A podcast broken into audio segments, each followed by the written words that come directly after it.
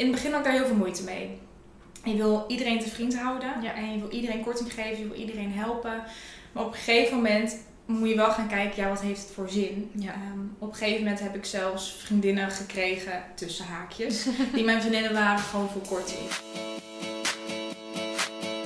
Hoi allemaal, superleuk dat jullie luisteren naar een nieuwe podcast van mij. Ik zit vandaag met iemand die we nog niet eerder hebben gehoord. En dat is namelijk Eline. Eline ken ik van Novaskin. Novaskin ken ik door Image. Image is het merk dat mij ondersteunt in mijn huid. Ik heb al, nou, sinds dat ik jong ben, sinds dat ik me kan herinneren, echt ver voor mijn eh, puberteit heb ik een hele slechte huid. En op een dag was ik er gewoon helemaal klaar mee. Ben ik naar een schoonheidsspecialist gegaan. Eh, die heeft mij daarin ondersteund. Ehm, toen eh, hebben we ja, contact opgenomen met het, ehm, met het merk waarvan de producten waren. En zo kwamen wij Image uit. En toen ben ik overgestapt naar Eline van Novaskin. Was ook een stuk beter. Ik vond ook mijn vorige ehm ja, schoonheidsspecialisten niet heel prettig altijd. En bij eh, Eline voel ik me gewoon altijd helemaal thuis als ik daar aankom. Gelukkig. Eh, Eline, wil jij jezelf ook even voorstellen? Ja, nou ik ben dus Eline Bouten. Ik ben de eigenaresse van Nova Skin in Apeldoorn. Ik ben eh, 22 jaar oud en ik heb nu drie jaar mijn onderneming. Wij specialiseren ons eigenlijk in eh, medische behandelingen. En wij helpen mensen eigenlijk van hun huidproblemen af door middel van hun voeding en leefstijl. Dus we kijken eigenlijk naar de volledige oorzaak en eh, helpen mensen daarbij. Ja, dus ik vind dat altijd heel erg, eh, ook, ook heel bijzonder. Want je zegt, je bent 22 jaar oud. Ja, Je bent gewoon twee jaar jonger dan dat ik ben. En ik heb het, Ja, idee, ik heb het idee dat je gewoon vijf jaar ouder bent dan dat ik ben. ja, maar ik je, voel me ook oud hoor. ja, Ja, ja, dat snap ik wel. En je bent begonnen drie jaar geleden, dus toen je 19 was. ja. Ehm, wilde je vroeger altijd deze kanten op gaan? Of heb je echt switches gehad van nou, nu wil ik dit worden, nu wil ik dit worden? Of echt al vanaf jongs af aan dacht, nou, wil ooit mijn eigen salon runnen? Ja, eigenlijk wel. Eigenlijk vanaf mijn 13e, 14e was ik al wel bezig met make-up en wenkbrauwen en meer de cosmetische richting. En ehm, ja, toen ik begon aan de opleiding op mijn 16e ben ik aan huis gestart. Gewoon een paar avondjes een beetje geprobeerd. En toen wist ik al vrij snel dat ik wel mijn eigen onderneming eh, zou willen. En eigenlijk heel veel mensen wel helpen met hun problemen. Ja. Ja. En hoe heb je dan, eh, ja, ik kreeg deze vraag dus binnen, want we hadden natuurlijk even een oproepje op Instagram geplaatst van eh, welke vragen jullie allemaal voor haar hadden. Ik heb een best wel een mooie vraag eigenlijk. Hoe heb je jouw eigen koers gevaren? Ja, ik Jij denk... hebt je eigen ding gedaan. Je, wat, wat maakt jou misschien ook anders dan anderen? Nou, ik denk een eigen koers varen, daar zit ik eigenlijk nog steeds middenin. Ik denk dat je daar ook altijd eigenlijk een beetje op blijft. Ik heb heel veel fouten gemaakt. Dus heel veel dingen gedaan waar ik uiteindelijk niet blij mee was. Heb je een paar voorbeelden van fouten? Want ik denk van fouten leren we natuurlijk. Ja, zeker. Ik zie het ook als echt een leermoment. Ik heb bijvoorbeeld een opleiding voor permanente make-up gedaan. Mhm. Ik dacht echt op mijn 18e, dit is het. Ik ga bij iedereen permanente make-up doen. Uh, ik ga de beste in Nederland worden. en na een half jaar dacht ik echt, dit past niet bij mij. Nee. Um, maar ik ja, volg voornamelijk gewoon mijn gevoel. Ik kijk gewoon waar ik blij van word, waar ik van geniet, wat ik leuk vind om te doen. En daarin ga ik eigenlijk gewoon verder. Ja. ja. En welke opleidingen heb je allemaal gedaan om... Uh... Veel. Ja, ik ben eigenlijk gewoon begonnen als schoonheidsspecialist. Ja. Uh, vanuit daar ben ik al gestart met mijn eigen bedrijf. Ik wou misschien wel huidtherapie gaan doen. Alleen mm. die combinatie, die zag ik niet helemaal zitten. Mm. Dus toen ben ik eigenlijk gewoon intern bij verschillende huidtherapeuten, maar bijvoorbeeld ook bij Image Skincare, um, ben ik eigenlijk heel veel trainingen gaan doen. En dus ook ortomoleculair trainingen gedaan. Dus, en voor de mensen die niet weten zoals ja. ik die wat is. ortomoleculaire opleiding houdt eigenlijk in um, dat je veel meer gaat leren over voeding, suppletie en eigenlijk alles wat er in het lichaam omgaat. Ah, oké. Okay. Dus zo kun je ook huidproblemen ja. beter behandelen. Ja, ja, precies. En hoe ben je dan op het idee gekomen om je eigen onderneming te gaan beginnen? Want je bent eerst bij uh, specialisten gewoon ja, in dienst geweest. Nou, ik ben eigenlijk op mijn 16 al een soort van half gestart. En toen heb ik ook half gewerkt in Amsterdam tijdens mijn opleiding. Mhm. Mm. Dus ik had het een beetje naast elkaar. Mm. Uh, maar ik wist eigenlijk al wel dat onder een baas werken niks voor mij zou zijn. Ik ben daarin te creatief. Ik heb te veel ideeën. Mhm. Mm. Um, en ja, dat past gewoon niet echt bij mij. Dus ik merkte dat die combinatie met een baas niet helemaal uh, lekker ging. Nee, dus toen dacht ik, ik ga gewoon mijn eigen ding starten. Ja. Um, maar ook door lichamelijke klachten weet ik dat ik niet jarenlang in het vak kan blijven. Dus dan moet je wel een onderneming starten, wil je het ja. door blijven zetten. Ja, want ik kreeg inderdaad ook een vraag met... Um, ja, hoe is het nou om... Ja, jij hebt het dan vanaf je zestiende al een beetje half-half gedaan. Ja. Maar hoe is het inderdaad om eerst gewoon in dienst te zijn en dan voor jezelf te werken? Ja, het is bij mij natuurlijk een beetje gelijktijdig gegaan. Ehm, ik moet wel zeggen, ik deed toen nog de opleiding. Dus Mhm. het was niet dat ik was afgestudeerd en nog in dienst ging. Dus ik was ook nog heel erg lerende. Dus ik ben wel heel blij dat ik in Amsterdam heb gewerkt. En ook Ja. daar de mensen en de klachtafhandelingen. Het is daar toch wel een stukje pittiger dan hier. Dat heb ik allemaal kunnen meemaken. Ja. Ehm, en ik kon het wel goed naast elkaar leggen. Dus ik wist gewoon, als ik voor mezelf was, was ik even voor mezelf. En als ik bij een baas werkte, moest ik toch mezelf wat meer inhouden in creatieve ideeën. Dus ja, ik kon die creativiteit wel een beetje kwijt in mijn eigen onderneming. Dus ja, ik heb het niet zo ervaren. En Nee. kom je, kom je oorspronkelijk hier bij Apeldoorn ook vandaan? Of, Ja. En dan de opleiding had je in Amsterdam gevolgd? Of? Eh, in Zwolle. Oh. Ja, ik ben echt overal. Nee, ik ben in eh, Zwolle gaan studeren. Ja. Dat was eh, de top 3 uh, schoonheidsspecialistopleiding destijds. Mhm. En mijn stageplek was in Amsterdam. En daar ben ik blijven hangen. Heb je daar expres voor gekozen voor Amsterdam? Ja, ja ze hadden daar ook eh, Anastasia Beverly Hills. Dus zij waren echt gespecialiseerd in wenkbrauwen. En dat Ja. was echt mijn droommerk. En ik wou daar heel graag mee werken. dus ik ben wel expres eigenlijk gaan kiezen om daarheen te gaan. En Amsterdam leek me wel goed om toch wel om te gaan met mensen, Engelstalig, klanten Oh ja, ja. en Goeie. dat, dat soort dingen. Ja. Want hier in het oosten zijn mensen toch anders. Ja. Ja. Wat eh, merk je dat precies? Ja, ehm, ik vind de mensen in Amsterdam heel erg recht voor de raap. Ja. Ik ben dat zelf ook, maar ik denk dat ik het vanuit daar een beetje heb geleerd. Gewoon heel eerlijk zijn en meteen uiten wat je denkt. Ja, de mensen hier zijn het wat minder. Ze zijn toch wat meer afwachtender, wat uitzoekender. Ja. Dus je merkt daar wel echt verschil in. Ja, nou, ik had Ja. het laatst bijvoorbeeld alleen al toen wij een bootje hadden gehuurd bij de Loosdrechtse plassen daar. Ja. Dan- ja, en ik kom, nou ja, eh Ede ligt natuurlijk aan het bos. Nou, oorspronkelijk kom ik uit de buurt van Rotterdam, maar in Ede is het heel gemoedelijk en voelt toch wat meer als misschien oosten dan westen. Het is natuurlijk gewoon een beetje in het midden. Ja. En als je dan die mensen bij de Loosdrechtse plassen, dat zijn we toch wel wat meer de, de Amsterdammers, de, het gooi, eh, weet je wel, die richting. Het is, het is gewoon een ander volk. Ja. daar, daar beledig ik helemaal niemand mee. Nee. Maar ehm, ik vind het gewoon juist super grappig dat je merkt als je op een andere plek komt, dat de mensen daar gewoon Ja. zo anders zijn. ja, ik vind het heerlijk. Ja, het is echt Het is gewoon leuk om te zien. even in een ander wereldje of zo. Ja. Alsof je in het buitenland Dat bent. was daar echt hoor. Ja. Ehm, op je negentiende ben je nou, officieel je eigen zaak gestart. Ja, klopt. En ehm, wat zijn de stappen die je daarvoor hebt moeten ondernemen? Ehm, nou, het geluk had ik natuurlijk dat ik al twee, drie jaar aan huis eh, op zolder was begonnen. Dus ik had al wel wat klanten hier en daar. Dus toen ik was afgestudeerd, wou ik heel graag een pandje. Want je merkt toch hoe meer klanten je krijgt aan huis. Ja. En mijn ouders vonden dat niet heel fijn de Eh, dus ik heb eigenlijk gewoon mijn KVK-nummer opgevraagd. Mhm. En ik ben gewoon een pandje gaan zoeken.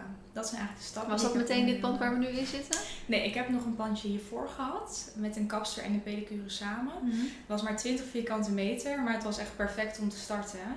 Ehm, en al snel merkte ik dat ik zo druk werd dat ik een wachtlijst had van 50 mensen. En toen dacht ik echt, ja, ik moet iets anders gaan zoeken. Ik moet. Lizzie gaan zoeken. En ik dacht, ik moet misschien met personeel gaan werken.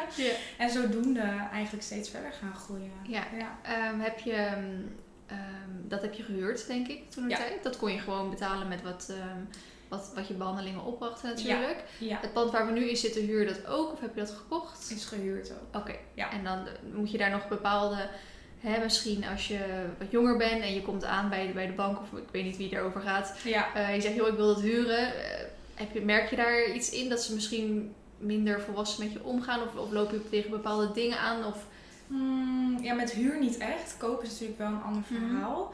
Kijk, ik kwam toen natuurlijk van eh, een eenmanszaak. Dus Ja. ik was helemaal mijn eentje naar een groot pand. Dat vond ik wel heel erg spannend. Het scheelt dat mijn moeder in de makelaardij zit. Dus zij heeft al heel veel ervaring met hoe zit het met contracten oh, en dat geld. scheelt echt een hoop. Ja, super fijn. Dus daarin heb ik nog nooit echt problemen gehad. Mhm. En ik ben nog jong, dus ik heb inderdaad wel meegemaakt dat mensen denken van ja, ga je het huren en kan je het wel betalen. Mhm. Maar omdat mijn moeder altijd erbij was, kwam het wel meteen een stuk geloofwaardiger over. Ja. Dus, en ook wel over serieuze dingen konden we ook heel snel praten. Wat ik op dat moment helemaal niet begreep eigenlijk. Nee. Precies. Ik leer ook nu echt elke keer weer wat dingen bij. Dat ik denk, oh, had ik het maar geweten op die leeftijd toen ik net begon of zo. Ja, precies. Maar ik denk dat, dat dat is ook het proces natuurlijk. ja, ja, dat kan je ook niet. Nee. En eh, kwam Lizzie er al bij bij je vorige plekje nog? Of Ja. echt, ehm, en die ging mee hier naartoe dan? Ja, eigenlijk wel. Ja, zij is in het vorige pandje begonnen met de wenkbrauwen. En toen was ik ook al begonnen met Image Skincare. En toen begon een beetje de huidverbetering kant ook eh, eigenlijk een beetje te bloeien. En eh, toen ben ik haar daarvoor gaan inwerken. En toen zijn we weer heen verhuisd. Oké, en Ja. met z'n tweeën ben je dus dit een beetje eh, nieuwe avontuur aangegaan. Ja, ja. Ehm, hoe snel kwam de derde klinkt net alsof we het over een derde kind hebben, maar Ja, over een ja, derde, echt de derde. een derde Ehm, teamlid. Eigenlijk eh, na een paar maanden al. Ja, dat was, eh, dat is dan stagiaire Quinty, maar Mhm. die werkt hier nu ook gewoon. Dus die begon Mhm. dan meteen, dus ik zie dat wel als een eh, extra collega. ja, ja. Ja, het ging eigenlijk heel hard. Ja. ja. En nu zitten we al met zeven. Ik heb vorige week twee nieuwe bizar. aangenomen. Ja. Echt bizar. ja. En zit je dan met z'n zevenen tegelijk? Of werkt bijvoorbeeld een deel misschien parttime? Of iedereen fulltime? Ehm, ja, ook een deel parttime. Ook omdat we, ehm, ja, we hebben in die zin vier ruimtes. Dus we moeten wel een beetje met elkaar delen. Ja. Dus we zijn nu een beetje aan het kijken van, ja, hoe zit dat met de dagen? Wanneer gaat wie werken? Maar ehm, Amy, Lizzie, eh, mijn moeder dan, die achter de schermen zit Mhm. en ik, wij werken met z'n vieren echt fulltime. Oké. Ja. En heb je misschien een soort idee waarom je soort van zo succesvol bent? Of waarom, want als je steeds meer personeel aanneemt, je hebt het soort laatst uitgebreid, want je wil de zolder zitten verbouwen. Ehm, je hebt wachtlijsten. Ja. Is dat omdat er gewoon te, te weinig ehm, vakmensen zijn, om, ze- om, om jullie even zo te noemen? Of zijn jullie gewoon echt veel beter dan anderen? Ja, Ik vind dat een hele lastige vraag. Eh, ik ben ook niet echt een type die heel erg bezig is met concurrentie. Wat ik al zeg, ik ga heel erg vanuit mijn eigen gevoel uit. En ook een beetje op trends inspelen. Ehm, er zijn heel veel salons in Apeldoorn. We zijn er volgens mij meer dan 300. Dus Zo, daar zal het niet echt aan liggen. Oh, dat had ik echt nooit verwacht. Ja, daarom vond ik het ook heel spannend om te beginnen. Want ik dacht, Ja. ik heb zoveel concurrentie. Hoe ga ik dit aanpakken? Maar ik denk juist omdat wij zo vanuit passie werken. En mensen dat voelen. En eigenlijk ehm, ook door middel van de oorzaak, de bloedtesten. Eigenlijk zoveel dieper gaan kijken. Dat Ja. daar gewoon heel veel vraag naar is. Ja. En dat zit hier in het oosten vrijwel niet. Ik denk sowieso met, eh, met de sociale media, misschien ook van tegenwoordig, dat veel meer mensen daar ook interesse in hebben. Ja, zeker. Vroeger was dat misschien minder. eh, Nee. Dus je moet een beetje meegaan met je tijd misschien. Ja, ja, social media is ook echt wel een grote factor hoor. Ja. Want je merkt toch dat vanuit daar ook mensen door heel Nederland naar je toe komen. En nu zelfs Duitsland en België, dat we ook echt denken van nou, dat is echt bizar. Ja, die komen ja. naar jouw salon toe. Ja. Nou. Ja, dat is toch ja, echt bijzonder. Ja. Ehm, maar ik denk wel dat social media daar een rol in speelt. Want als je resultaten gaat plaatsen en iemand heeft een heel goed gevoel Ja. bij een persoon of bij een bedrijf. Ja, ik zou ook gaan reizen als ik een huidprobleem Ja. had. Nou, ik Ja. moet zeggen dat als ik iets eh, zo- zocht voordat ik met image begon, of Ja. ik zoek nu iets op een ander gebied, dan wil ik heel graag die resultaten zien. Precies. En maar maakt me eigenlijk niet zoveel uit wat voor marketing, wat voor persoon, wat, voor, wat eh, de prijzen eigenlijk zijn. Maar ik wil gewoon een voor- en nazien. ja, snap En dat, ik. daar maken jullie denk ik wel altijd goed eh, Ja, proberen we wel. gebruik van. Ja, ja. Even terugkomend op, je, op de onderneming. Ehm, Ja. Heb je hulp gehad bij het ondernemen slash het groeien? En zo ja, wat voor persoon slash bedrijf en hoe? Ja, ik heb zeker hulp gehad. Behalve je moeder. Mm, eigenlijk alleen mijn moeder vooral. ja. ja, dat is wel echt mijn grootste hulp geweest. Ehm, kijk, als je begint op je zestiende.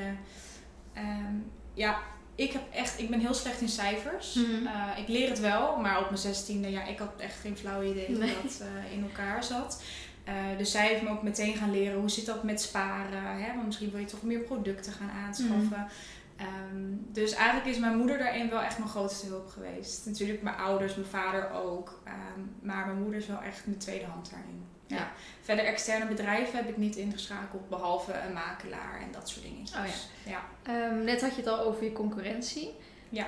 Werk jij dan bijvoorbeeld ook met flyers, advertenties of dergelijke om klanten te werven? Of heb je echt alleen social media daarvoor nodig? Of hoef je überhaupt niet te adverteren, ze komen vanzelf?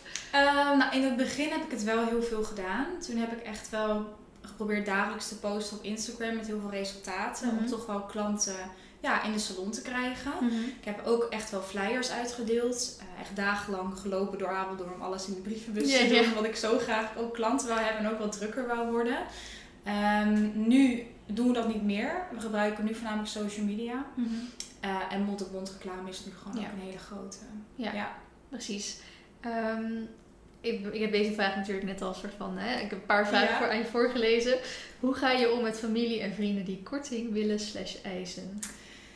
Ja, lastig. Ehm, Dat is een had- vraag die je nog nooit had gekregen, hè? Nee, ik, ik vind het echt een hele leuke vraag. Want dat is wel iets waar ik het wel af en toe over heb. Ook met, eh, met vrienden en ook met mijn Ja. ouders. Maar ik heb het eigenlijk nooit van iemand anders eh, ja, gehoord of de vraag gesteld. Mhm. Ehm, in het begin had ik daar heel veel moeite mee. Je wil iedereen te vriend houden. Ja. En je wil iedereen korting geven. Je wil iedereen helpen. Maar op een gegeven moment moet je wel gaan kijken, ja, wat heeft het voor zin? Ja. Ehm, op een gegeven moment heb ik zelfs vriendinnen gekregen, tussen haakjes, die mijn vriendinnen waren gewoon voor korting. Mhm. En dat was eigenlijk het moment waarop ik dacht, dit wil ik echt absoluut niet. Ehm, dus ik heb echt maar vier mensen die ik korting geef en that's Oh, it. En dat geef ik ook gewoon meteen aan van sorry, maar dan kan ik iedereen korting geven. Ja. Want ik heb ook al vaste klanten die zes jaar komen. Ja. Ja, het liefst geef ik hun dan ook korting. Want die voelen ook gewoon soms voor mij als vrienden, zeg maar, die bij me komen. Dus ehm, ik denk hoe ouder je wordt, hoe beter je daarmee omgaat. En je moet gewoon grenzen stellen. Ja. maar dat blijft wel lastig hoor. ja. Ja, ik heb het, eh, ik vertelde het aan jou en met, omdat ik met dat boek bezig ben. Maar ik heb het ook voorheen al gehad met de merchandise, met de kledinglijn. Dat inderdaad ook eh, mensen graag het eh, gratis wilden hebben of met korting of wat Ja. dan ook. En dan, ik snap het echt heel goed. Want natuurlijk als een vriendin van mij of iets, iets leuks uitbrengt, dan denk ik ook van joh, eh, mag ik het hebben? Of eh, dat, dat komt, die gedachte komt altijd bij je op. Ja. Eh, maar ik heb dan altijd meer het gevoel van. ehm, je helpt diegene pas echt als je diegene dus support door Ja. er gewoon voor te betalen. Ja. Want daar heb je echt wat aan. Klopt, ja, want we moeten allemaal ook gewoon onze dingen betalen. Ja. Jij ook. Ik Ja. heb dat hier ook. Dus ja, je kan niet iedereen alles Nee, je kan niet eh, je rekeningen betalen met allerlei gratis dingen. Nee, je kan je beter stoppen. Ja. ja. Ja, precies. Ehm die vond ik ook wel een grappige vraag. Hoe is het om met influencers te werken? Ik weet niet of influencers is of dat ik de enige ben. Of Ah, dat... ja, influencers wel. Ja, ja.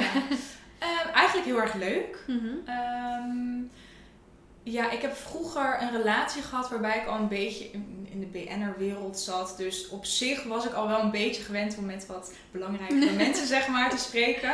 Ehm, maar toen ik jonger was, vond ik het wel altijd heel eng. Dat ik dacht, "Oh, komt die gewoon naar mij toe? En dan moet ik daarmee communiceren. Dat ik echt een soort van zenuwachtig was. Nou, Nu vind ik het alleen maar leuk en eigenlijk gewoon heel fijn dat je elkaar op die manier kan helpen. Hè? Dat ik toch ja, jouw huidprobleem kan wegnemen en jij natuurlijk weer reclame maakt voor mij. Mhm. Dat werkt voor mij gewoon super en dat geldt ook voor de andere meiden. is dat echt inderdaad dat je echt merkt dat dat gewoon werkt? Ja, zeker.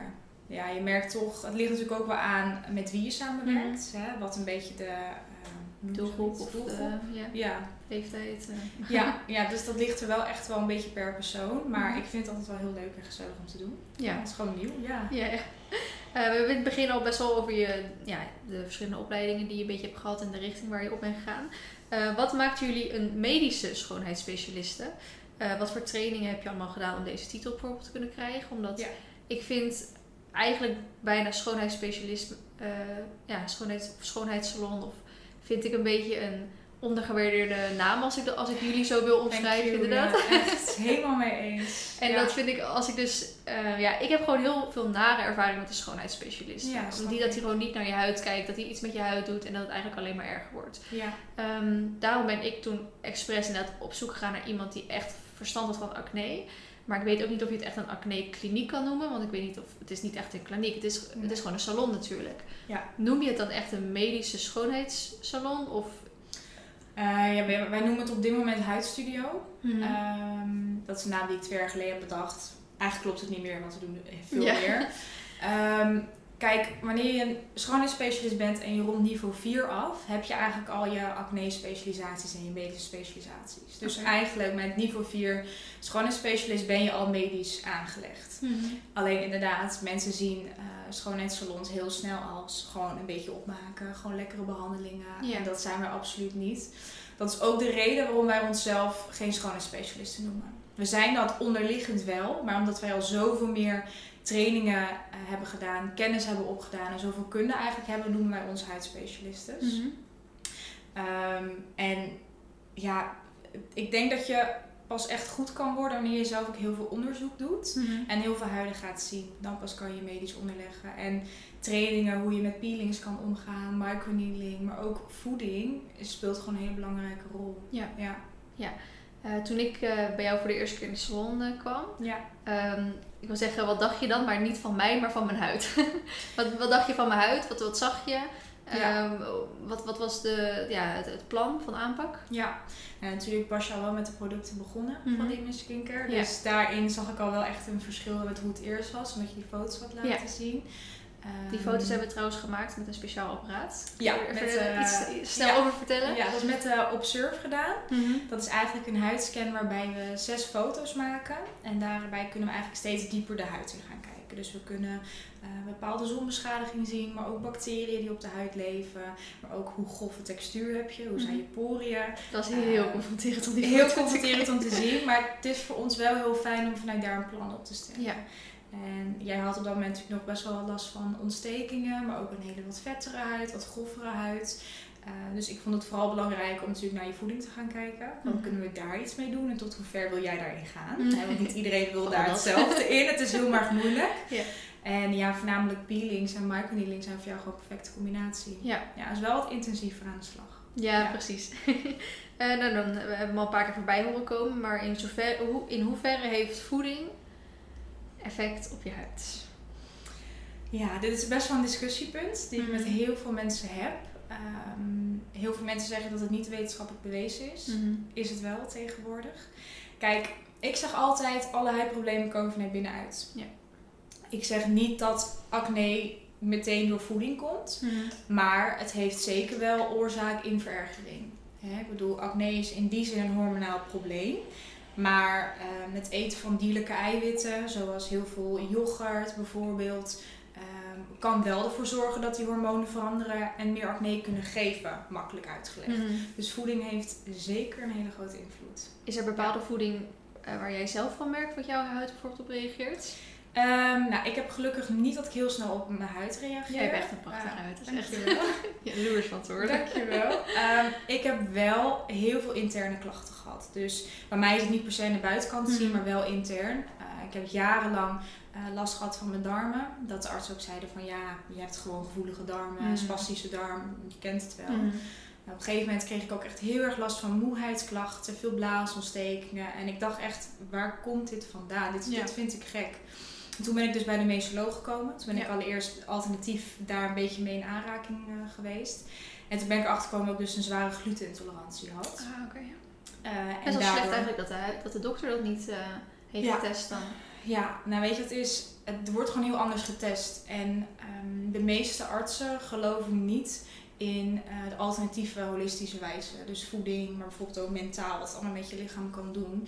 En wij wel weer. Dus Ja. dat is best wel een groot discussiepunt waar wij ook wel aanvechten, maar daar kom je niet tussen. Nee. Nee, dat heeft geen zin. Ik Nee. denk dat, het, dat je er soort van voor open moet staan. Omdat gewoon, Ja, als je er voor open moet, ja, staat, dan gaan we het doen. Of dan gaan we er naar kijken. En als je dat niet doet, dan, dan, nou, dan niet. ja, klopt. En weet je, voor iedereen werkt iets anders, zeg ik altijd. Het is ook niet dat eh ja, artsen iets niet goed doen, maar Mhm. ik ben gewoon minder fan van medicatie. Ja. Ik zeg altijd, als je het van binnenuit kan oplossen, zonder je lichaam in die zin van binnen nog meer kapot te maken door Mhm. bijvoorbeeld allemaal antibiotica kuren, waarom zou je het niet doen? Ja.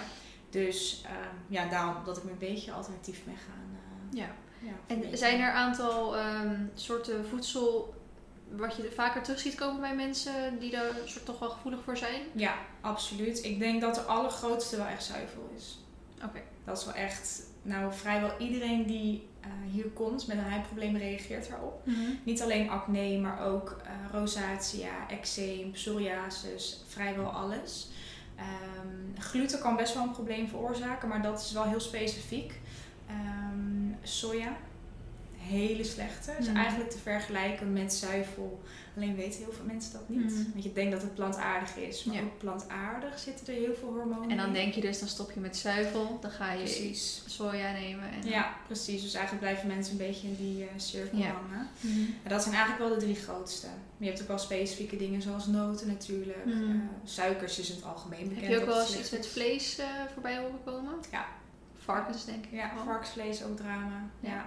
Ook drama. Ja, het is echt drama. Maar weet je, het is, als je gaat verdiepen in voeding, dan schrik je gewoon kapot. Ja. Want dan eh, besef je in één keer wat er in de supermarkt ligt en wat er allemaal in zit. Denk aan alle E-nummers en dergelijke. Ik denk ook dat je dat eigenlijk gewoon soort van niet moet doen. Nou Ja, tenzij je dus echt last van je huid hebt. Ja, Maar als je echt, eh, echt naar gaat kijken en wat zo'n voet, dan, dan Ja. wil je bijna niks meer eten, denk ik. ja, wat wij willen weten, dat wil je niet weten. Nee. En bij mij was het op een gegeven moment zo ernstig dat ik gewoon eh, niet meer goed wist wat ik moest eten. Mhm. Omdat ik zo bang was voor alles wat erin zat. Dus Ja. daarin moet je ook voor jezelf een knop kunnen omzetten. Ja, precies. Ja. Ik heb het al met, ehm, ik was gestopt met vlees eten. En omdat ik op zich ook voor de dieren dat wilde doen. Maar eigenlijk wel omdat ik elke keer eh, merkte als ik vlees had gegeten dat mijn huid er gewoon echt op reageerde. Ja. Eh, ik ben sowieso helemaal gestopt met varkensvlees eten. Ja, Ehm, ik, eh, één rundervlees ben ik ook gestopt met eten, maar af en toe in een restaurant kan ik de carpaccio niet laten liggen. snap ik. Ja. Ehm, kip ben ik ook gestopt met eten, alleen hè, wij krijgen dan van die eh, maaltijdboxen thuis gestuurd. ja. En het komt wel eens voor dat ik vergeet dat ik te laat ben met zeg maar welke ik wil hebben. En dan krijg ik dus een, een gerecht thuis. Nou, als er varkensvlees zit, gaat het ja, zonde of Sjoerd eet het op of ik gooi het gewoon weg. Ja. Maar als er bijvoorbeeld kip bij zit, dan vind ik het ook weer een soort van zonde. En dan denk ik, ja, dan kan ik het net zo goed opeten. Ja. Eh, maar voor het algemeen ben ik eigenlijk helemaal gestopt met, eh, met vlees Ja. eten. Daar heb ik echt eh, gemerkt dat het eh, ja, gewoon echt minder daarvan werd. Ja. Ehm, toen ik dus erachter kwam bij de mesoloog, of dat Lissy het volgens mij zei, dat soja dus ook echt een ding kon zijn. Want ik was dus, ik vond oprecht eh, de, de Alpro vanille yoghurt vond ik echt lekkerder dan Mhm. de echte gewoon, hè, de normale vanille yoghurt. Dus die at ik gewoon al denk ik twee jaar lang elke ochtend. Ja. En ehm, ik dacht inderdaad, nou dan ben ik plantaardig bezig, helemaal leuk. En toen zei Lissy dus van, nou, of, of een ik weet niet meer wie, van nou ja, soja is gewoon ook echt heel slecht voor je. Dus toen ben ik daarmee gestopt en toen merkte ik echt wel weer dat het beter werd. Eh, ik ben heel erg fan van Griekse yoghurt. Nou, dat is dan wel gewoon echt wel nog lactose natuurlijk. Ehm, en Lizzie heeft toen de vorige keer gezegd van Vlien, probeer eens een maand lang echt zonder eh, zuivel eigenlijk te leven. Ik heb het nou een paar dagen volgehouden. Eh, ik ging allemaal ehm eh, amandelmelkachtige, kokosmelk, yoghurt zeg maar, achtige producten dan maar kopen. Want het was echt moeilijk om iets te vinden waar geen lactose in zat en waar geen soja in zat. Ja. En dat was een beetje nare. Ik vond echt niks lekker. Ik heb echt, en ik heb echt gewoon veel geld eraan uitgegeven om alles een soort van. Ik stond gewoon voor, de, voor het schap in de supermarkt en pakte alles waar, waar, waar het zeg maar niet in zat. Ik heb het allemaal tegelijk gekocht. En ehm, geprobeerd thuis. En ik vond echt niks gewoon lekker. En dan is het op een gegeven moment de keuze die je maakt. Ja, wil je gewoon lekker kunnen eten? Klopt. Of wil je zeg maar je, je gezicht eh, behouden? ja. En in principe gaat mijn huid heel goed. En ik denk als ik al die andere dingen, dus de soja en het vlees, ehm, ja, skip. Dan vind ik dat ik wel 's ochtends een bakje yoghurt mag hebben, weet je wel. Maar dat is het ook. Weet je, voeding is gewoon heel moeilijk. En wanneer Ja. jij fan bent van Griekse yoghurt en je koopt een kokosyoghurt met het idee dat het smaakt naar Griekse yoghurt, is het gewoon standaard al vies. En Ja.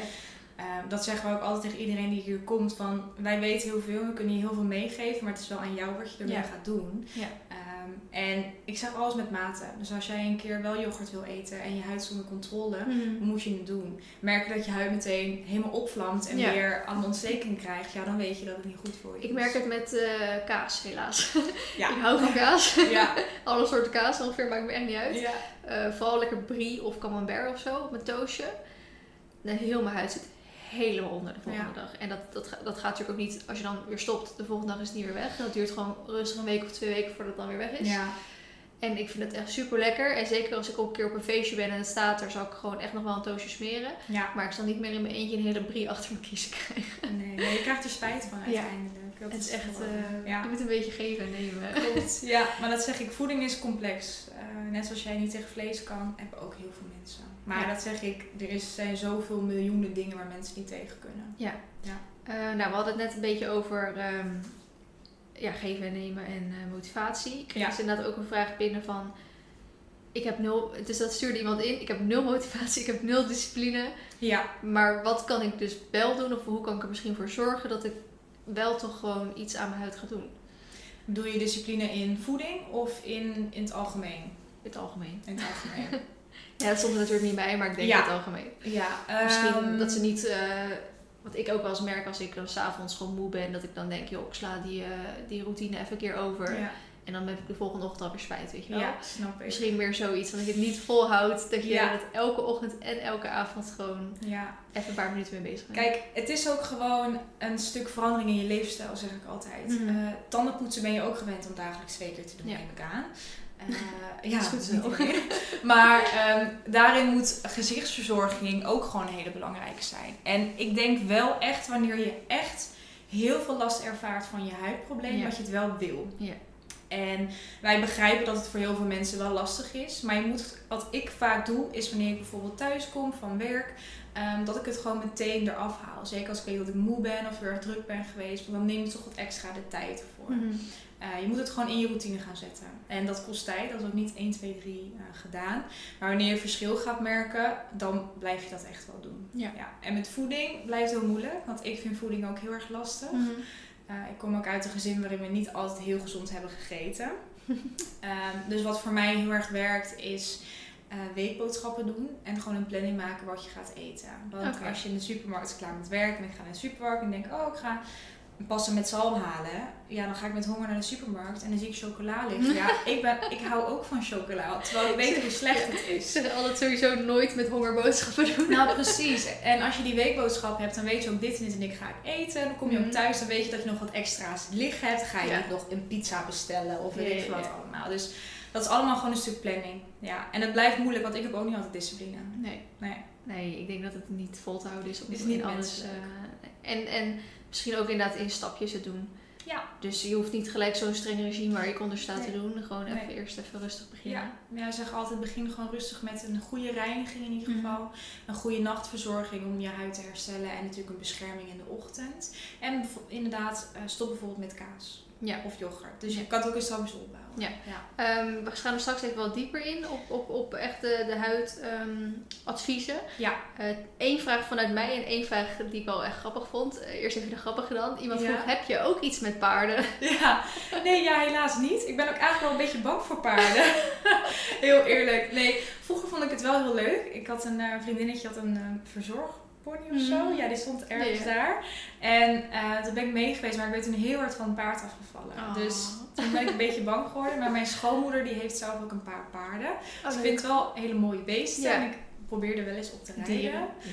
Dieren. En dan bedoel ik, ik, probeer, ik ben bang wat ik zeg tegen jou. Want eh, ik heb het bij mijn schoonmoeder ook wel wat zeg. Ze zegt nee, dit, zeg je niet goed. Maar eh, ja, ik vind, het wel gewoon, ik vind ze wel heel leuk. Alleen Ja. het is niet mijn, mijn ideale ding. Nee, precies. Nee. Ik vind Zoals Lizzie bijvoorbeeld, die is Ja. ook helemaal uh, fan. Lizzie is inderdaad, die heeft wel inderdaad een paard. Ja, en als ja. ik dan met haar een behandeling heb, zit het ook lekker op een paarden te Ja, kletsen, je precies. Ja, maar mij kan dat niet. Nee, ik, zou, ik begrijp het niet helemaal. Ja, maar ik vind wel, als, ik kan het wel tegen je zeggen. Je begrijpt het misschien niet, maar je, je bent nog wel zo, echt wel een soort van oprecht geïnteresseerd van, Ja. oh, hoe eh, werkt dat dan? ja, maar ik vind ook alles leuk. Dus dat is een beetje mijn probleem. Ja. Eh, vraag vanuit mij dan weer. Er bestaan echt, nou weet ik voor hoeveel ehm, manieren om je huid te verbeteren. Nou, Ja. jij doet dat dan met producten, Ja. eh, peelings, eh microneedling. Maar er bestaan ook dingen zoals laser, Ja. ehm, andere dingen waar ik geen verstand van heb. Kan je misschien een aantal dingen noemen wat er allemaal is? En ik weet niet of je ook misschien je mening kan geven met wat, wat jij vindt of ervaart wat helpt, wat niet helpt. Ja, het is sowieso een verschil of je schoonheidsspecialist bent of een huidtherapeut. Mhm. Dus wij als schoonheidsspecialisten mogen niet laseren. Mhm. Ik zelf ben ook niet heel erg fan van laser. Maar dat is meer eh, met de gedachtegang dat je met heel veel warmte in de huid gaat werken. Klein voorbeeld, ga ik niet te diep op in, want Mhm. dan wordt het te complex. Ehm, ik vind wel dat er heel veel dingen op de markt zijn. Ehm, je hebt bijvoorbeeld nu ook van die injecties dat je zelf hyaluronzuur in je gezicht kan spuiten bij een schoonheidsspecialist. Ik vind dat echt een no-go. Eh, je, er kan zoveel mee eh, fout gaan. Ook verzekeringstechnisch is het zo ja, fout eigenlijk. Ehm, mensen gaan nu heel veel opleidingen doen voor geld. En ik vind dat daarom ook ons vak heel erg naar beneden wordt gehaald. Ja. Ja. En jij werkt hier met peelings en microneedlings. Ja. En ehm, wat doen die twee echt voor de huid? En welke ja, dingen heb je nog meer? eh? Ja, we hebben heel veel. We zijn ook echt net met een heel, hele uitbreiding bezig. Mhm. We hebben inderdaad heel veel verschillende soorten peelings. Eh, met verschillende soorten zuren ook. Dus die kan je eigenlijk voor heel veel huidproblemen inzetten. Mhm. Eh, bijvoorbeeld met acne eh, gebruiken we voornamelijk salicylzuur. Wat het eigenlijk doet is dat het de bovenste huidlaag een klein beetje gaat verwijderen. Dus je gaat eigenlijk de huid in die zin expres een beetje kapot maken Mhm. om de huid te laten schrikken. Ehm, daardoor gaat je huid heel snel vernieuwen en droog je eigenlijk al die ontsteking in en absorbeer je talg. Want te veel talg zorgt weer voor de ontsteking. Mhm. Dat is bijvoorbeeld een peeling. Mhm. Microneedling werkt bijvoorbeeld heel mooi op littekens en grove poriën. Omdat die heel erg werken op eh, collageen aanmaken. En collageen heb je nodig om je huid stevig te maken en te versterken. En littekenweefsel te verminderen Mhm. bijvoorbeeld. Maar we hebben ook gewoon normale behandelingen met eh enzympeelingen. Die zijn wat milder voor wat gevoeligere huiden.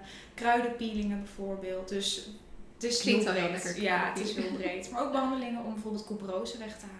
Nou, het Ja. wordt dan weer met een, met, ja, een heel klein apparaatje Wat is couperose voor... Eh, dat zijn die rode adertjes die Oh, mensen vaak op hun wang of op hun En is dat echt een, een spatader of is dat echt... Ja, heet dat gewoon de naam couperose? Is dat iets anders dan een Ja, spatader? het is gelukkig geen spatader. Eh, het zijn eigenlijk hele kleine oppervlakkige adertjes die kapot zijn. Natuurlijk, de echte grote aderen zitten wat dieper in de Mhm. huid. Dit is wat oppervlakkiger. En die kunnen kapot gaan door ja, te veel zon of stress of verkeerde producten. Ja. Dus dat halen we bijvoorbeeld ook weg. Oké. Eh, nou, laten we iets... ehm, dus laten we naar de vragen toe gaan die echt wel meer op de huid eh, gericht Ja. zijn. We, ik heb er niet heel veel, want ik wil het een beetje algemeen eh, houden. Want ik natuurlijk al best wel vaak van die stories doe. Ja, En iedereen's huid eh, anders is. ja dat is zeker Ehm, waar. ik ben natuurlijk bij jou terechtgekomen door Image. En we hebben in ieder geval natuurlijk ook een leuke campagne. Volgens mij vanaf ongeveer dat deze podcast online komt. Ja, Als je naar de website van Image gaat, eh, volgens mij, weet jij die uit je hoofd? Is dat gewoon Imke? volgens mij Image- Image Skincare Benelux. Ja, precies. ja. Als je je inschrijft voor de nieuwsbrief, krijg je 5 euro korting op een kennismakingsset. Eh, wil jij vertellen wat er in zo'n kennismakingsset zit? Ja, in de kenningsmakingsset zit sowieso de Ormedic Cleanser. Dat is eigenlijk een hele milde cleanser die voor alle huidtypes geschikt zijn. Eh, er zit aloe vera in, groene thee, dus hele milde antioxidanten. Daar kan je 's ochtends en 's avonds je huid Mhm. Ja, mee reinigen. Dat doe ik ook inderdaad. Ja, die is heel fijn hè? Ja. Eh, het vitamine C serum zit erin. Wordt ingezet ook bij vrijwel heel veel huidproblemen. Ik zeg altijd dat het in elk regime eigenlijk moet zitten. Dus eh, voor roodheid, maar ook littekentjes, anti-aging, hydratatie. Dus die zit erin.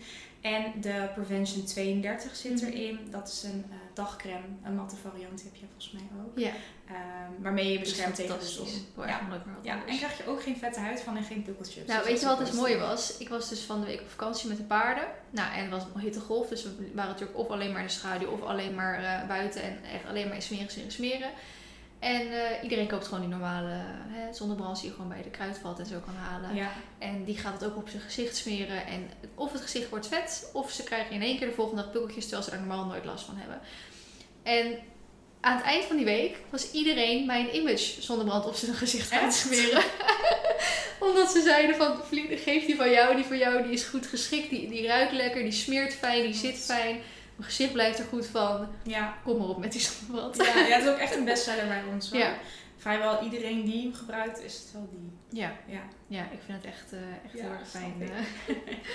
Eh, iemand vraagt ehm, nou, tips voor betaalbare zonnebrand, waardoor je gezicht niet gaat glimmen. Ja, ja, wel, Ja. wat vind je betaalbaar? ja, is, is altijd. betaalbaar 5 euro. Is, terwijl ik vind die zonnebrand, daar doe ik echt een jaar mee of zo. Ja, nou ja, niet. Misschien, misschien wel langer. Ja, het ligt ook een beetje aan hoeveel je gebruikt. Ja, dat is ik speel heel graag elke dag. Goed zo. Ja, ik zelf een half jaar ongeveer dat ik Mhm. ermee doe. Oké, misschien ik ook wel iets. Ik, ik, heb er, Ja. ik heb er namelijk drie of zo. Ja, klopt. Dus misschien heb ik niet echt door met wanneer er eentje op is. Nee, in de zomer gebruik je ook weer meer dan in de Precies. winter. En dan, eh, ik pak ook best wel vaak mijn... ehm, ik vind het zonde om met die zonnebrand heel mijn lichaam natuurlijk gaan inzetten smeren. Zeker, ja. Ehm, maar wat ik bijvoorbeeld wel merk, als ik dan eh, niet in de zon zit, maar bijvoorbeeld in het terrasje even, en dat dan alleen hè, de zon echt op je nek schijnt. Ik heb hem eigenlijk altijd gewoon bij me, die eh, zonnebrand, gewoon in mijn tas zitten. Of in mijn auto zitten. Ik heb hem letterlijk overal. Ik heb hem in mijn tas, ik heb hem in mijn auto en ik heb hem thuis liggen. Dus het maakt niet uit waar ik ben. Ik heb hem altijd bij hand, is het nodig. En ik voelde die zon zo branden en branden op mijn schouder en in mijn nek. En ik pak, doe gewoon even zo'n lekkere dikke klodder en ik smeer het zo in. En het voelde zo lekker. En ik heb heel de avond geen last meer gehad van mijn Ja. nek. Hij was niet verbrand en het voelde echt top. het is echt fijn. Ja. Dus het is inderdaad misschien maar een beetje, ja. Kijk, weet je, het is. ehm, ik vind persoonlijk voor goede producten voor je huid, zeker bescherming tegen de zon, Ja. mag best wel kostbaar zijn. Ja. Ehm, zeker als je kijkt naar wat er allemaal in zit. Het is niet alleen maar een zonnebrandcrème. Het is ook heel erg verzorgend en hydraterend. Ehm, en bescherming is gewoon mega belangrijk. Dus ik vind persoonlijk 49 euro voor een crème waar je nou ja, niet van een half jaar echt wel mee kan doen, vind ik niet prijzig. Nee. Ehm, En zeker dan als je kijkt- elke ochtend, hè? Soms zelfs twee keer per dag. ja, nou zeker. Zeker in de zon. En als je kijkt naar de goedkopere producten, ik ga geen merken noemen, ehm, maar zitten vaak heel veel gewoon olie en siliconen in als vulmiddel. En is de En bescherming niet goed. is dat dan wat diegene dus zegt van... ehm, nu ben ik even de vraag kwijt. Maar dat je daar dus een... eh, ja, dus dat je gezicht daarvan gaat glimmen? Ja. Ja. Daar heb ik echt totaal geen last van met Nee, deze. eigenlijk gelukkig ook niet. Nee. Nee, dat, dat is vaak ook wat wij horen als wij een dagcreme gaan adviseren met een SPF. Dan Mhm. zeggen mensen altijd, ja, maar dat wil ik echt niet gebruiken. Mhm. Want dan krijg je zo'n glimgezicht van. Dus ehm, ja, daarin merk ik gewoon dat er zoveel merken zijn die daar gewoon niet heel ideaal mee omgaan. Nee. Ja. En eh, bij diegene die ik gebruik, er staat er 32 op. Is Ja. dat dan de factor? Ja. Want ehm, die meiden die dan eh, mijn zonnebrand allemaal eh, gebruikt, die zeiden allemaal 32. Wat is dat voor een rare factor? Je hebt Ja. er altijd 30, 40, 50 of zo. ja, klopt. Waar komt die 32 van? Weet Ja. jij dat? Of is dat echt een... eh, Nou, eigenlijk tussen 30 en 50 zit ook bijna geen verschil in factor. Dat is echt een fabeltje. Oké. Eh in mijn skincare heeft het natuurlijk meerdere. Mhm. Eh, en het heeft heel erg te maken met wat voor soort filter het is. Dus je hebt bijvoorbeeld hele plantaardige filters, maar ook chemische filters. Nou, klinkt even heel heftig. Mhm.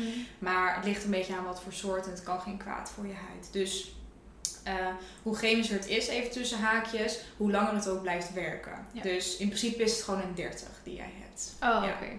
Oké, nou dan is Ja. dat eh, even uit de Het is lucht. niet een gehaald. specifieke reden dat Nee, ze het nee. 32 hebben genoemd. Nee. Ehm, even kijken. Hoe kan je een betaalbare skincare routine samenstellen? Iedereen zegt wat anders. Wat is de tip? De tip is sowieso ehm, niet heel de tijd zelf research doen. Want je ben helemaal kan gek van woord. Nou ja, want je kan, zeg maar, iedereen zegt iets anders. Ja. Elke huidsalon en huidkliniek heeft een andere mening over allemaal producten. Dus ik denk dat je voornamelijk bij jezelf moet gaan kijken van wat vind ik belangrijk. En ja, ik zou je toch echt adviseren om naar in ieder geval een schoonheidssalon te gaan. Of toch meer een huidkliniek. Eh, is wel iets minder betaalbaar. Ehm, het is wel wat kostbaarder, maar je krijgt er ook echt wat voor. Je doet er gewoon Ja. heel erg lang mee. Ik ben zelf geen fan van ga naar de etels en koop er wat. Want ik weet 9 van de 10 keer dat het niet gaat werken. Ja. Dus dat je die adviezen geef ik eigenlijk niet. Nou, wat ik vaak merk met, ik, nou, ik zal ook niet per se merk noemen, maar ehm, hiervoor had ik inderdaad een combinatie met een, een eh, micellair eh, waterachtig dingetje. Ja. En dan met een, een crème daarna. Ja. Dat was eigenlijk voor het eerst, omdat ik al zoveel dingen met mijn huid had geprobeerd, dat ik op een gegeven moment gewoon maar niks meer deed. En dit was eigenlijk dan weer voor het eerst dat ik weer echt wel ongeveer een jaar lang eh, dat gebruikte. En ik dacht dat dat hielp, eigenlijk. Maar ik had meer het idee dat die producten mijn probleem onderhielden. Onderhouden. Ehm, dat eigenlijk als ik dan, ehm, ja, hoe, hoe zeg ik dat? Als ik het niet meer gebruikte, dan, of ik, ik moest het blijven gebruiken om het, ja, dat klinkt eigenlijk gewoon heel logisch, want je gebruikt het omdat als je stopt met gebruiken, dan komt het weer terug. Ja. Maar ik had eigenlijk een beetje dat het, het juist het effect gaf van dat ik het moest gebruiken. Net zoals dat je bijvoorbeeld labello gebruikt, hè? want je Ja. lippen kunnen verslaafd worden aan labello. Ja.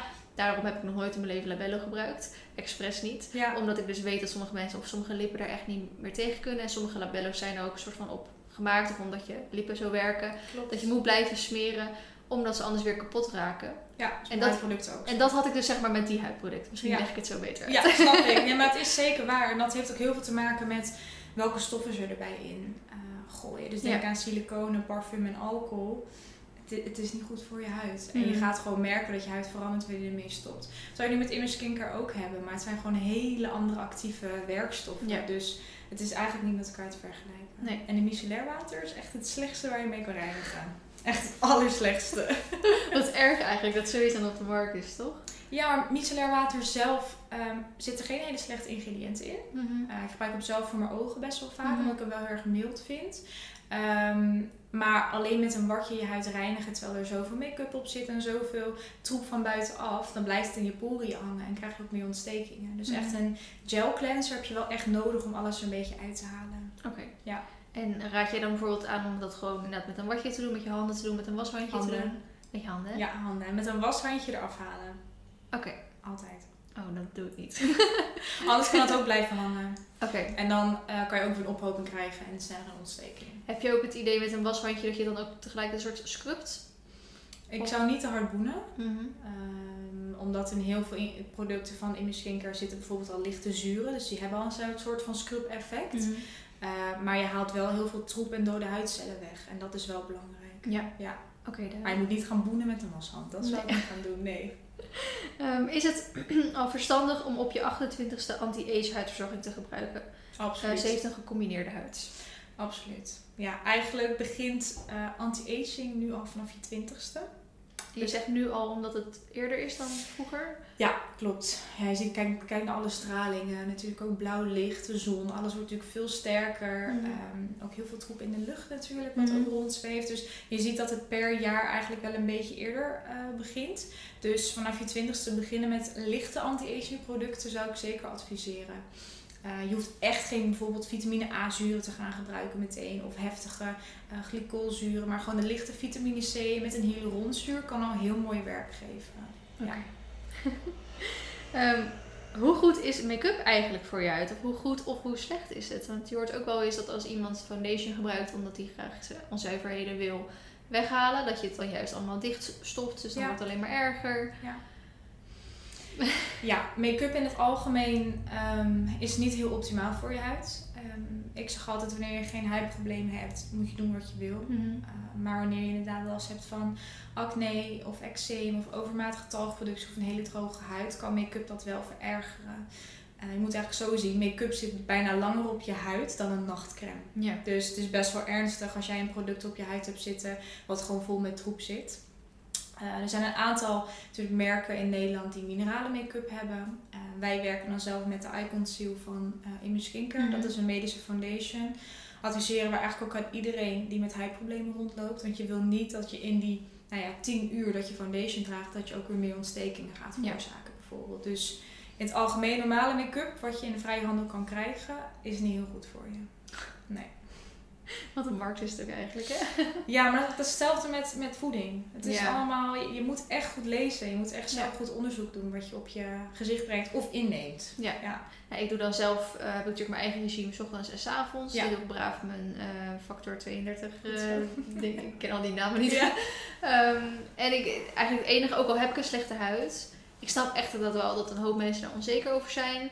Maar omdat ik het eigenlijk al zo lang heb, letterlijk als dat ik me kan herinneren, um, boeit het me ook weer niet zo. Zeg maar, ik heb wel geaccepteerd dat het zo is. Ook al wil ik natuurlijk wel liever dat het weg is. Heel veel mensen zeggen ook tegen mij, ja, ik heb nu bijvoorbeeld geen mascara op, maar zeggen heel vaak van, nou, je hebt best wel sprekende ogen. Dus het is me eigenlijk nooit echt opgevallen dat je een slechte huid hebt. Uh, dus het enige wat ik gebruik eigenlijk is mascara. En inderdaad image, um, uh, die uh, concealer. Ja. ja, perfect. Dat is het enige. Als ik dan een keer wel een plekje heb, nou, dan werkt die zo een beetje weg en dan... Ja ook al zou ik, ben ik er toch wel een soort van benieuwd naar om een keer door een make-up artist gewoon heel mijn gezicht dicht te laten ja, plamuren. Om dan te kijken hoe het er dan een keer uitziet. Ja, kijk, een keertje is echt niet erg hè. Mm. Alleen als je het dagelijks gaat doen. Ik zit daar ook niet eens op te wachten. Ik heb helemaal geen zin in. weet je hoe lang je moet zitten? Ik heb iets weten zo. Wel geduld voor hebben. Ik ga naar de paarden en dan briest er weer een keer even één over me heen. Of dan geeft hem een soort van lebber over mijn gezicht heen. Het is toch wel weer van. Ja, hele contour helemaal uitgeveegd gewoon. Extra contour erbij gekregen door de modderneus tegen Um, nou, ik heb uh, even de laatste vraag eigenlijk. Ik denk dat we dan ook wel uh, nou, bijna 50 minuten alweer bezig zijn. Kijk, gaat best snel uh, hè? Ja, nou dit was een vraag die je misschien niet helemaal kon beantwoorden. Maar ik ga hem toch aan je stellen, omdat die ja. wel voorbij kwam. Hoe vind je dan de juiste kleur make-up? Ja. Die bij je gezicht ook past? Is lastig. Um, ik denk wel dat het slim is om het door iemand te laten checken. Mm. Um, je, ja, je moet best wel verstand hebben van ondertonen en kleuren en wat past dan bij wie. Uh, bijvoorbeeld wij kijken heel erg naar, uh, heb je een wat gelere ondertoon of een wat roze ondertoon? Zijn de adertjes heel erg onderliggend of vallen ze heel erg op? En vanuit daar kan je echt wel uh, goed een make-up product adviseren. Mm. alleen ik zou het dan wel echt door iemand laten doen die er verstand van heeft. Ja. Anders bij jezelf, ja je kan het testen, maar je moet het toch echt op je gezicht zien. Ja, ja gewoon opsmeren. Ja, echt. laatste vraag vanuit mij. Hoe uh, ziet de toekomst van Novaskin eruit? Uh, heb je nog meer uitbreidingsplannen of um, een groter pand? Of gewoon leg je even, even kalm, even dit maar allemaal goed doen? Ja, lastig. Um, ik heb sowieso heel veel plannen. Ik denk mm. dat ik het ook wel blijf houden. Dat zit in je als ondernemer? Dat zit inderdaad heel erg in me. ik had ook eigenlijk tijdens corona, toen we tien weken dicht waren, zat ik echt thuis ik echt te denken. Ja, hoe hebben jullie dat trouwens gedaan? Ja, verschrikkelijk. Maar ja, we zijn er nog. En het gaat hartstikke goed. Maar het was voor een workaholic uh, is het wel stressvol. Toen heb ik acne gekregen. Dus dan zie je ook wat stress met mijn huid zelfs heeft gedaan. Uh, maar kijk, dat was natuurlijk verschrikkelijk. Dus je hoopt dat dat niet nog een keer gebeurt. Nee, maar, jullie hebben je tijd best wel goed uh, besteed, ja, toch? Ja, we hebben vooral heel veel met het team nagedacht van... wat vinden we nu van Novaskin? Kunnen wij iets doen om nog meer te gaan verbeteren? Waar willen we heen in de toekomst? En ik merkte, omdat ik er echt een beetje uit werd getrokken, dat ik ook heel erg goed kon nadenken van wat ik nou eigenlijk wou. Ja. En toen besefte ik ook van, ik had een, ja, een droom als 16-jarig meisje en die heb ik op mijn 22e al behaald. Mm -hmm. het klinkt misschien heel luxe en dat is ook, ik ben heel blij dat het natuurlijk is mhm. gelukt. En dan word je wel een soort op een punt dat je denkt van ja, wat nu? Ja. Eh, kijk, het liefste zou ik echt wel nog een stukje groter willen worden. Eh, wie weet ooit weer een ander pand of een tweede locatie. Maar ik vind het wel belangrijk dat wat we doen ook staat. Dus Ja. ik, vind het, ik vind gewoon dat we alles perfect moeten doen. Ja, en de kwaliteit waarborgen. Precies. Dat gaat niet als je te snel groeit. Precies, dus daar ben ik nu gewoon heel erg mee bezig. Ehm, en ja, veel meer met voeding en bloedtesten vind ik wel heel erg interessant. Dus ja, wie weet. Ja. Nou, Ik heb nog het- niet een specifiek plan. Ik kijk ook altijd een beetje wat er op mijn pad komt natuurlijk. Ehm, maar ik zou wel meer willen dan dit nog. Ja. Ja, als het kan. En ja. Mochten jullie het eh, leuk vinden om Eline te blijven volgen, dan kan dat natuurlijk sowieso op de Instagram pagina van Nova Ja. Skin. Maar jij hebt ook je eigen podcast. ja, heb ik wel. Ik heb er nu eventjes eh, niet zoveel mee gedaan. Maar ook op Nova Skin via eh, Spotify Mhm. podcast kan je die ook gewoon beluisteren. Ja. En daar leg je ook je eigen hele verhaal in uit. Ja. We zijn Ja. natuurlijk in het begin wat eh, vluchtiger doorheen gegaan. Want jij hebt volgens mij toen ook al een half uur over je eigen verhaal gepraat. Klopt. Denk, ja, heeft niet zoveel zin om dat dan hier weer te gaan doen. Nee. Ehm, dus mochten jullie vooral echt geïnteresseerd zijn hoe je het echt tot in de details hebt gedaan, dan kun je eh, jouw podcast even luisteren. Zeker. En dan wil ik je heel erg bedanken voor, Ja, jij eh, voor vandaag. Dankjewel. Vond het superleuk. Superleuk. Ja, en wij gaan volgens mij nog, eh, ik heb nog een wandeling. Ja, en een huidscan. En huiscat, oh, daar ben Ja. ik zo benieuwd naar. Dat komt sowieso ook in de vlog. Dus dat ga ik even vloggen voor jullie. Dus Leuk. mocht je daar benieuwd naar zijn. Deze podcast komt eh, niet aanstaande maandag, maar die maandag daarna online. Ja. Dus ik denk dat ze dan wel die huidscan al gezien hebben. Dus eh, ik ben echt zo benieuwd. ik vind het ook spannend. Of we dat, ja, want je- we gaan het naast elkaar leggen, toch? Ja, Van eh, anderhalf jaar geleden of zo. En Ja. dan, eh, en dan gaan we een nieuw plan eh, weer eh, Yes. klaarleggen. nou, echt heel veel zin in. Nou, bedankt en tot de volgende keer. Doei doei!